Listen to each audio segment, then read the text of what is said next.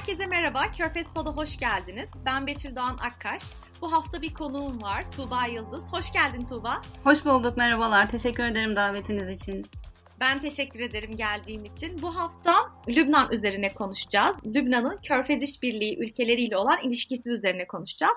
Bu noktada da bize Lübnan'ı en iyi anlatabilecek isimlerinden birine erişme fırsatımız oldu. O yüzden bize katkıda bulunduğu için çok teşekkür ediyoruz Tuğba Hoca'ya. Öncelikle size Tuğba Hoca'yı tanıtmak istiyorum. 2009 yılında İstanbul İlahiyat'tan mezun olduktan sonra bir yıl Ürdün'de eğitim gördü. Yüksek lisansını Suriye Müslüman Kardeşler Hareketi üzerine tamamladı. Bir sonraki aşamada Orta Doğu'daki mezhep temelli argümanların Osmanlı kökenlerini incelemek istediği için doktora çalışmasında Lübnan'daki Osmanlı siyaseti üzerine odaklandı. Doktora sürecinde New York, Columbia'da ve Beyrut Amerikan Üniversitelerinde çalışmalarda bulundu ve şu an Lübnan üzerine yoğunlaşarak tarih çalışmalarına devam ediyor. Bu tarih çalışmaları içinde Lübnan'ın mevcut sosyopolitik durumunu da ele aldığı çalışmaları var. Ben ilk olarak konuklarıma şunu soruyorum Tuba Hocam. Neden bu bölgeyi çalışmaya karar verdin ya da nasıl Lübnan çalışmaya başladın? Evet teşekkür ederim hocam. Şimdi özgeçmişimde de sizin de belirttiğiniz üzere e, ben aslında e, Orta Doğu denilince e, çok bilinen bir kavram olan veya işte Orta Doğu çalışmaları yapan insanların ilk aklına gelen mezhepçilik üzerine bir çalışma yapmak istedim. Bunun için Müslüman kardeşlerin e, Suriye'deki hareketini de bu minvalde ele aldım. Ama daha sonra doktoraya geçmek istediğimde Osmanlı Devleti'nin aslında bu e, mezhepçilik argümanı üzerinden nasıl bir politika izlediğini merak ettim. E, çünkü bu mezhepler modern dönemde oluşmuş mezhepler değiller. Yüzlerce yıldır bu topraklarda yaşayan insanların, cemaatlerin oluşturduğu mezhepler. Bunun için de en e, uygun yer benim için açıkçası e, Lübnan. Hala da öyle. Çünkü e, Lübnan aslında mikro bir Osmanlı devletini temsil ediyor benim için. Çünkü çok fazla etnik unsur var, çok fazla dini unsur var. Bu nedenle de Lübnan'ı çalışmayı tercih ettim. Ama doktora çalışmamda da salt çatışmaları ele almadım açıkçası. Oradaki mezheplerin o dönemde 19. yüzyılda 20. yüzyılın başlarında öne çıkan iki tane mezhep Dürzilerin ve Marunilerin hukuki statülerini ele almaya çalıştım. Bu noktada e, cemaatlerin sosyal yapılarına değinmek istedim, değindim. Ve e, Osmanlı mahkemelerinde Dürzi ve Marunilerin e, hukuki statülerini veya Dürzi Mahkemesi'nde Marunilerin hukuki durumunu ele alıp böyle bir e, hukuk siyaset ilişkisini anlatmaya çalıştım.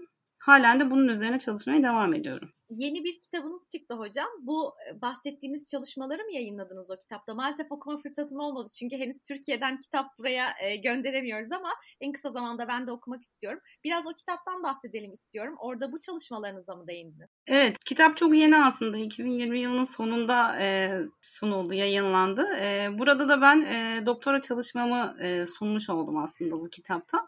Kitabın başlığı da Gelinliğin e, Hukuku Osmanlı'nın Adaleti. Bu başlık aslında Dürzilerin ve Marunilerin o dönemdeki e, Osmanlı Devleti açısından e, yerlerini anlatıyor. Ve burada e, mahkemelerdeki dava örnekleri üzerinden ben bir çalışma yaptım.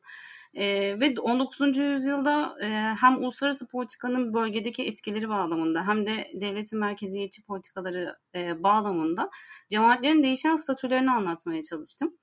E, ve aslında oradaki e, hukuki yapının daha sonra manda dönemindeki etkisine e, nasıl katkıda bulunduğunu e, fark etmiş oldum bir anlamda ve bunu da ifade etmeye çalıştım kitabımda. Umarım güzel tepkiler alırım. Bu şekilde e, kitabı da tanıtmış olayım. Evet ben zaten biraz okumaya çalıştım internette bulabildiğim özetlerini yayın evi tarafından çıkan ve insanların yorumlarını da gördüm sosyal medya aracılığıyla. Zaten bu anlamda Türkçe çalışmaların olması çok güzel ama bu denli önemli bir meseleye tarih açısından ve hani o dönemdeki hukuk süreçleri açısından değinmiş olmanız gerçekten çok güzel.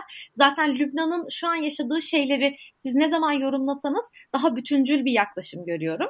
Bu da büyük ihtimalle bu sahip olduğunuz tarihi bilgiden geliyor. Yani o yüzden e, aslında çok önemli olduğunu gösteriyor bize. Geçmişi bilmenin günümüzle ilgili yorumlar yapmak adına ne kadar önemli olduğunu. E, o yüzden kitabınızla ilgili bilgi almayı da istemiştim yayının başında. Şimdi sizinle biraz daha Lübnan'ın Körfez ülkeleriyle olan ilişkilerini konuşmak istiyorum. Genel olarak bize Lübnan'ın Körfez ülkeleriyle ekonomik, siyasi, kültürel bağları üzerine neler söyleyebilirsiniz? Nasıl ilişkileri var? Şimdi şöyle Lübnan denilince hemen e, ilk etapta mezhepçi siyasi sistem akla gelir. E, Lübnan çalışmaları yapanların da e, bu noktadaki ortak görüşü e, işte yani mezhepçi sistemin e, Lübnan'daki varlığı, Cumhurbaşkanı'nın Maruni Hristiyan olması, Başbakanın Sünni olması, Meclis Başkanı'nın Şii olması ve e, bu minvalde ortaya çıkan istikrarsızlıklar. Ama biz e, bölgesel politikalardan özellikle Körfez politikasından bahsedeceksek bu mezhepçi sistem, siyasi sistem haricinde başka bir siyasi sistemden e, söz etmemiz gerekiyor. O da e, 2005 yılında Refik Hariri suikastinden kısa bir süre sonra ortaya çıkan 8 Mart ve 14 Mart ittifakı. Bu iki ittifak Lübnan'daki e, siyasi partilerin de kutuplaşmasına en net örnek. Çünkü e, aslında bakıldığında 8 Mart ittifakı Hizbullah öncülüğünde ortaya çıkmış. E, 14 Mart e, ittifakı da Saad Hariri'nin partisi müstakbel e, hareketi öncülüğünde ortaya çıkmış iki ayrı kutup olarak gözüküyor. Bu bağlamda da baktığı ilk, ilk etapta Şii ve e, Sünni ekseninde bir ayrışma olarak algılanıyor. Ancak bu iki blokta da birbirine rakip olan aynı mezhepten olan partiler var. Doğal olarak aslında Sünni Şii ekseninden öte biraz daha böyle rakip ve denge unsuru olarak rakip e, grupların karşı karşıya geldiğini söyleyebiliriz. E, tabii bununla birlikte özellikle Suudi Arabistan'ın bu e, platformdaki en önemli konumu da e, 14 Mart blokunun öncüsü ve finansörü olması bu aşamada. O nedenle de Suudi Arabistan'ın ve Körfez ülkelerinin Lübnan politikasında 14 Mart ittifakı önemli bir yere sahip. Ancak Lübnan söz konusu olduğunda o görünür olan Suudi Arabistan, Körfez, İran rekabetini biz ara aktörler üzerinden Lübnan'da değerlendirmek durumunda kalıyoruz. Bu ara aktörlerin en önemli öncüsü de kim? Hizbullah. Çünkü e, Hizbullah'ın etkisi Körfez açısından da çok önemli. Özellikle özellikle e, Arap Baharı'ndan sonra e, Suriye'nin e, Suriye'deki e, iç savaştan sonra e, Hizbullah'ın bölgedeki artan e, etkili gücü karşısında Körfez'in almış olduğu bir takım tavırlar ve politikalar var. E, bunlar ilk etapta Lübnan'ın Suriye e, iç savaşı başladığında tarafsızlık ilan etmiş olması karşısında Körfez aslında bir nefes aldı, e, bir rahatladı. Ancak Lübnan bu sözünü tutamadı ve tarafsızlık politikasında başarısız olmaya başladı. Hizbullah'ın e, Suriye iç savaşında daha fazla görünür olması e, Körfez'i rahatsız eden önemli adımlardan bir tanesiydi. Bir diğer problem de e, Bahreyn'de Manama'da başlayan protestolara Hizbullah lideri Hasan Nasrallah'ın vermiş olduğu destek oldu. Bu e, Körfez'de ciddi anlamda bir rahatsızlık oluşturdu ve Michel Süleyman'a, dönemin Cumhurbaşkanı Michel Süleyman'a e, kaygı duyduklarına dair bir mesaj gönderdi Körfez ülkeleri. Bununla da yetinmediler. 2012'de özellikle e, bu iç savaşın Arap Baharı'nın çok fazla ateşlenmeye başladığı dönemlerde Bahreyn ve Birleşik Arap Emirlikleri olmak üzere bazı körfez ülkeleri ülkelerinde bulunan Lübnanlıları, Lübnanlı işçileri, Lübnanlı yatırımcıları sınır dışı etmeye başladılar. O kadar pamuk kipliğine bağlı e, bir politika yürütülmeye başladı ki o dönem. Çok ince detaylarda çok büyük kıyametler kopabiliyordu. Örneğin Suudi Arabistan 4 milyar dolarlık bir askeri yardım yapacağını söz vermiştir Lübnan'a ve bununla ilgili de Lübnan'a ekonomik desteğini de sürdüreceğini söylemişti.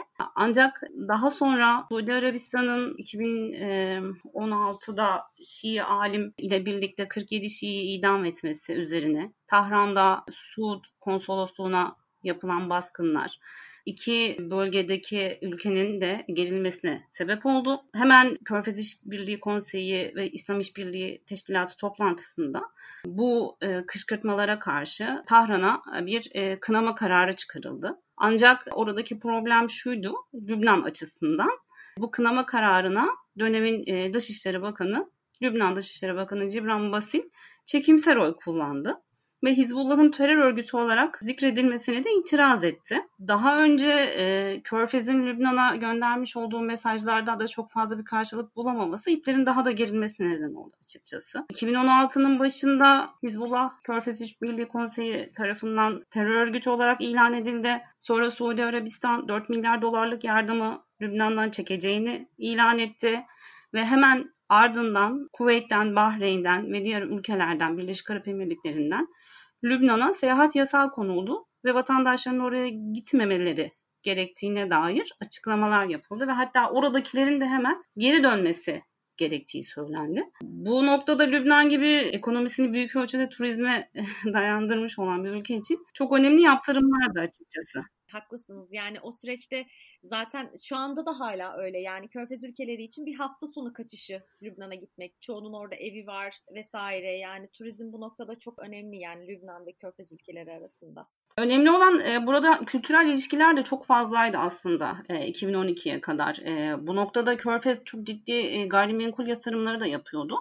Ve sizin dediğiniz gibi özellikle Lübnan'ın dağlık bölgelerinde ben e, Şuf'ta o Lübnan'ın e, dağlık bölgelerinde dolaşırken çok fazla aslında Körfezli turist de görmüştüm ve yanımdaki kişiye sordum ne kadar çok turist var diye. Çok fazla buradan ev alıyorlar dedi. Emlak alıyorlar dedi. O noktada Körfezli turistlerin de Lübnan'a yatırımları gayet iyi gidiyordu ama e, 2012'den sonra dediğim gibi bu kademeli olarak azalmaya başladı. 2013 ve 2016'daki gelişmelerde Körfez'in özellikle Suudi Arabistan'ın Lübnan'a Hizbullah nedeniyle daha temkinli yaklaşmasına neden oldu. Doğal olarak şunu söyleyebiliriz belki hani Yemen'deki gibi çok ciddi bir saha savaşı yok ama diplomatik savaş açıkçası hala devam ediyor Körfez politikalarında.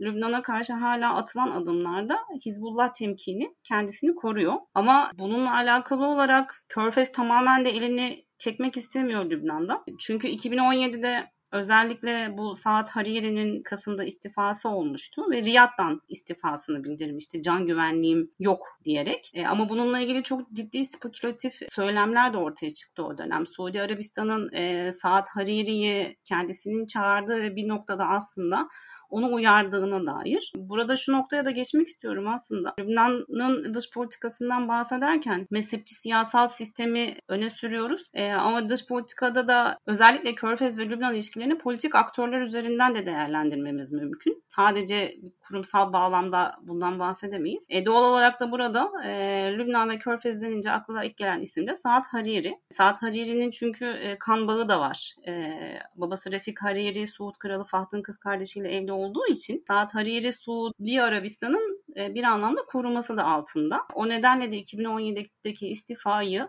bu şekilde yorumlayanlar da olmuştu. Bu hem Hariri'ye hem de Hizbullah'a karşı bir uyarıydı. Çünkü Hariri 2017 istifa etmeden önce Hizbullah'la ortak operasyonlar düzenledi mesela Arsal bölgesinde. Ve hatta Suriye'ye tekrar yeniden e, elçilik açılması hususunda Cumhurbaşkanı ile o dönem bir anlaşma sağladı. Ama Suudi Arabistan buna çok fazla müsaade etmek istemedi. Ve hemen bunun arkasından da e, 2018'de seçimler oldu ve 2019'un başında Saad Hariri hükümeti kurduğunda Körfez ve Suudi Arabistan seyahat yasağını kaldırdı ve e, Saad Hariri'ye destek olacaklarını, tekrardan yeniden bölgede olacaklarını üstü kapalı bir şekilde iletti. E, çünkü aslında o dönem şöyle yorumlar da vardı. Eğer e, Körfez Lübnan sahnesine geri dönmezse ülke tamamen İran'ın kontrolüne ve doğal olarak Hizbullah'ın kontrolüne girecek. Bu nedenle de bir şekilde önlem alınması gerekiyordu. 2019'dan bu yana kadar da eskiye oranla daha stabil e, bir ilişkisi olduğunu söyleyebilirim Körfez'in e, Lübnan'a karşı. Aslında bu çizdiğin resim şu an oldukça yani çok fazla bilgi var, çok fazla detay var, çok kompleks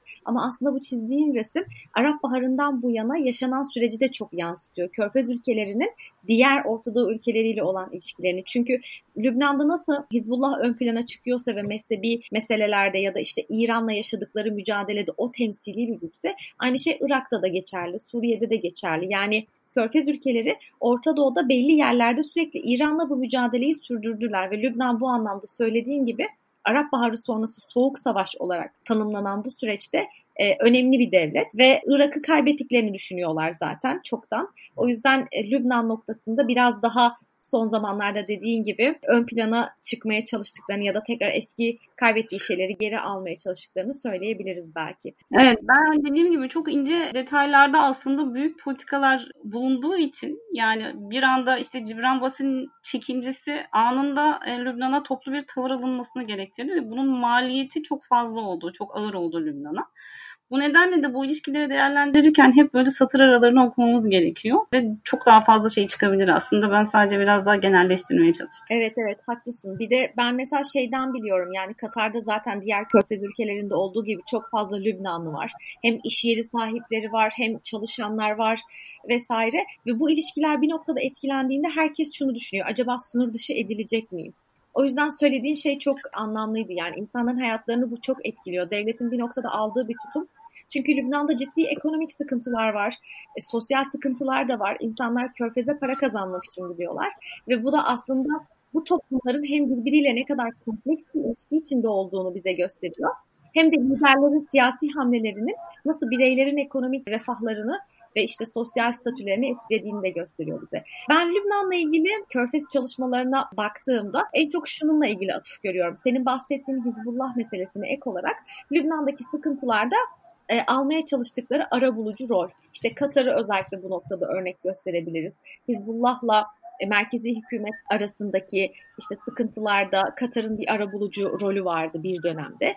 E, bize biraz ondan bahsetmek ister misin? Bu noktada sence Katar yeterince aktif rol aldı mı? Daha çok o dönemin emiri Şeyh Hamad'ın kişisel desteğinin ve rolünün ön planda olduğu söyleniyor. Bu yüzden devam eden kurumsal bir yardımı olmadığı iddia ediliyor Katar'ın Lübnan üzerinde. Bu noktada bakışın nedir? Aslında şunu söyleyebilirim. E, Körfez'in Suud öncülüğündeki ara buluculuğu iç savaşa kadar dayanıyor. İç savaş 1975'te başladığında hemen 1976'da Riyad'da önemli bir toplantı oldu. Keza 1980'de İsrail'in e, Lübnan saldırısından sonra yeniden Amerika Birleşik Devletleri ve Suudi Arabistan'ın ara, buluculuğu oldu. Ve zaten 1990'da da iç savaşı bitiren anlaşma Taif kentinde yapıldı. E, burada zaten e, Lübnan'da ortaya çıkabilecek herhangi bir iç veya dış krizde Körfez'in ve özel anlamda Suud'un isminin geçmemesi imkansız. Bu iç savaştan sonra da devam etti.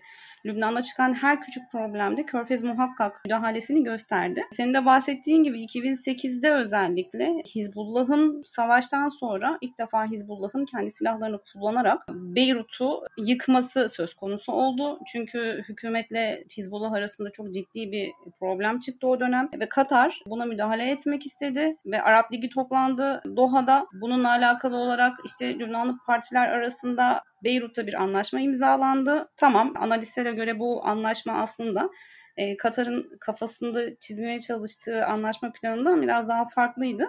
Çünkü Hizbullah'a çok fazla e, o dönemde yetki verildi. Bir anlamda aslında Hizbullah'ın lehine sonuçlandı. Her ne kadar bu savaşın kazananı veya kaybedeni yok dense de. Yine Suud'un e, 2011'de hükümet düştükten sonra Lübnan'da yapmış olduğu bir arabuluculuk var. E, Orada da yine Hariri hükümetine e, Hizbullah'a karşı bir destek sundu. 2012'de e, Katar'ın Michel Aoun'un e, Katar'a bir ziyareti oldu ve orada e, aslında bu o dönem gönderilen, sınır dışı edilen Lübnanların durumuyla alakalı olarak bir arayış içerisindeydi Michel Aoun ve e, Katar'dan bu konuda bir destek istiyordu ve Katar'dan da o desteği aldı aslında. Ancak son dönemlerde Katar'ın tabii şu an e, Körfez'le anlaşması yeni oldu ama Katar o dönemde Körfez'le arasındaki kriz dönemlerinde Lübnan'a yeteri kadar da yardım edemedi. Çünkü Körfez'in Lübnan'daki Lübnan'a e, yardımlarını kesmesinin en büyük sebebi Hizbullah'tı. Biz Hizbullah'ın güçlenmesini istemiyoruz iddiasıyla yardımlarını kesmeye başlamışlardı.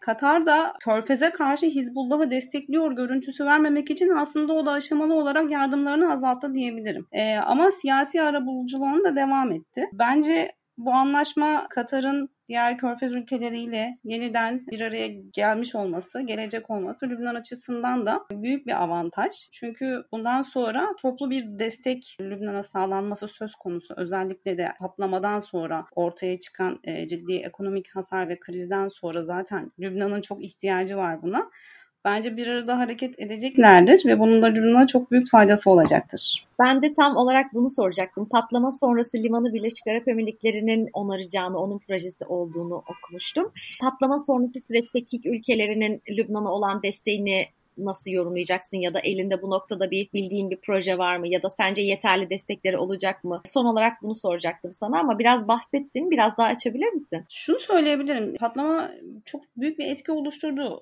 Hem bölgesel anlamda hem küresel anlamda ama e, beklenen miladı da oluşturmadı açıkçası.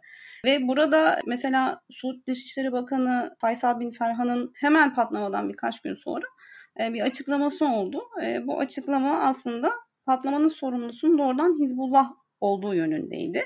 Ve biz e, bu örgütün bu patlayıcı maddelere sahip olduğunu ve bunu sakladığını zaten biliyoruz. Bu yüzden çok endişeliyiz dedi ve patlamaya hemen siyasi bir anlam yükledi o noktada. Biz Lübnan'a her anlamda yardımımızı sürdüreceğiz diye yine aynı bakandan açıklamalar gelmeye devam etti.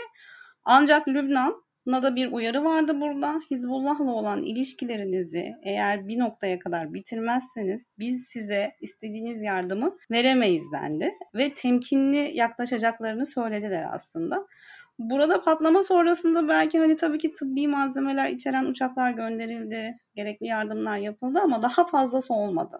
Yani Katar'ın fazladan dört tane uçak göndermesinden bahsedebiliriz belki patlama sonrası. Bu diğer ülkelere oranla daha fazla görünür olmasını sağladı. Ama önümüzdeki dönemde kısa vadede en azından Lübnan'da göreceli bir istikrar sağlanana kadar Hizbullah'ın e, yeni hükümette yer alacağı e, sisteme kadar, sistemin oturmasına kadar Körfez'in e, görünür bir şekilde bir yardım olabileceğini de düşünmüyorum açıkçası. Teşekkür ederiz. Ben de yani çizdiğin resme benzer bir şeyler anlıyorum yaptıkları yorumlardan ve işte daha çok Körfez krizinin çözülmesi sonrası sürecinde planladıkları bir takım Körfez odaklı ya da Yemen odaklı politikalardan anladığım kadarıyla bu noktada ben de senin gibi düşünüyorum. Yorumların için çok teşekkür ediyorum Tuğba. Gerçekten bizim için çok bilgilendirici bir yayın oldu. Bu kadar çok e, detaya hakim olman ve bunu Körfez'le ilişkilendirebilmem ve bunu bizimle paylaşmam çok güzel. Çok teşekkür ediyorum katkıların için. Ben çok teşekkür ederim. Benim için çok verimli bir sohbetti. Bu haftalık yayınımızın sonuna geldik. Size bu vesileyle Körfez ülkelerinin Orta Doğu'daki diğer ülkelerle olan ilişkilerini de adım adım tanıtmayı düşünüyoruz. İlk adımımız bu noktada Lübnan oldu. Bizi dinlediğiniz için teşekkür ederiz. Sosyal medya hesaplarımızdan yorumlarınız ya da eleştirileriniz varsa bize iletebilirsiniz. Görüşmek üzere.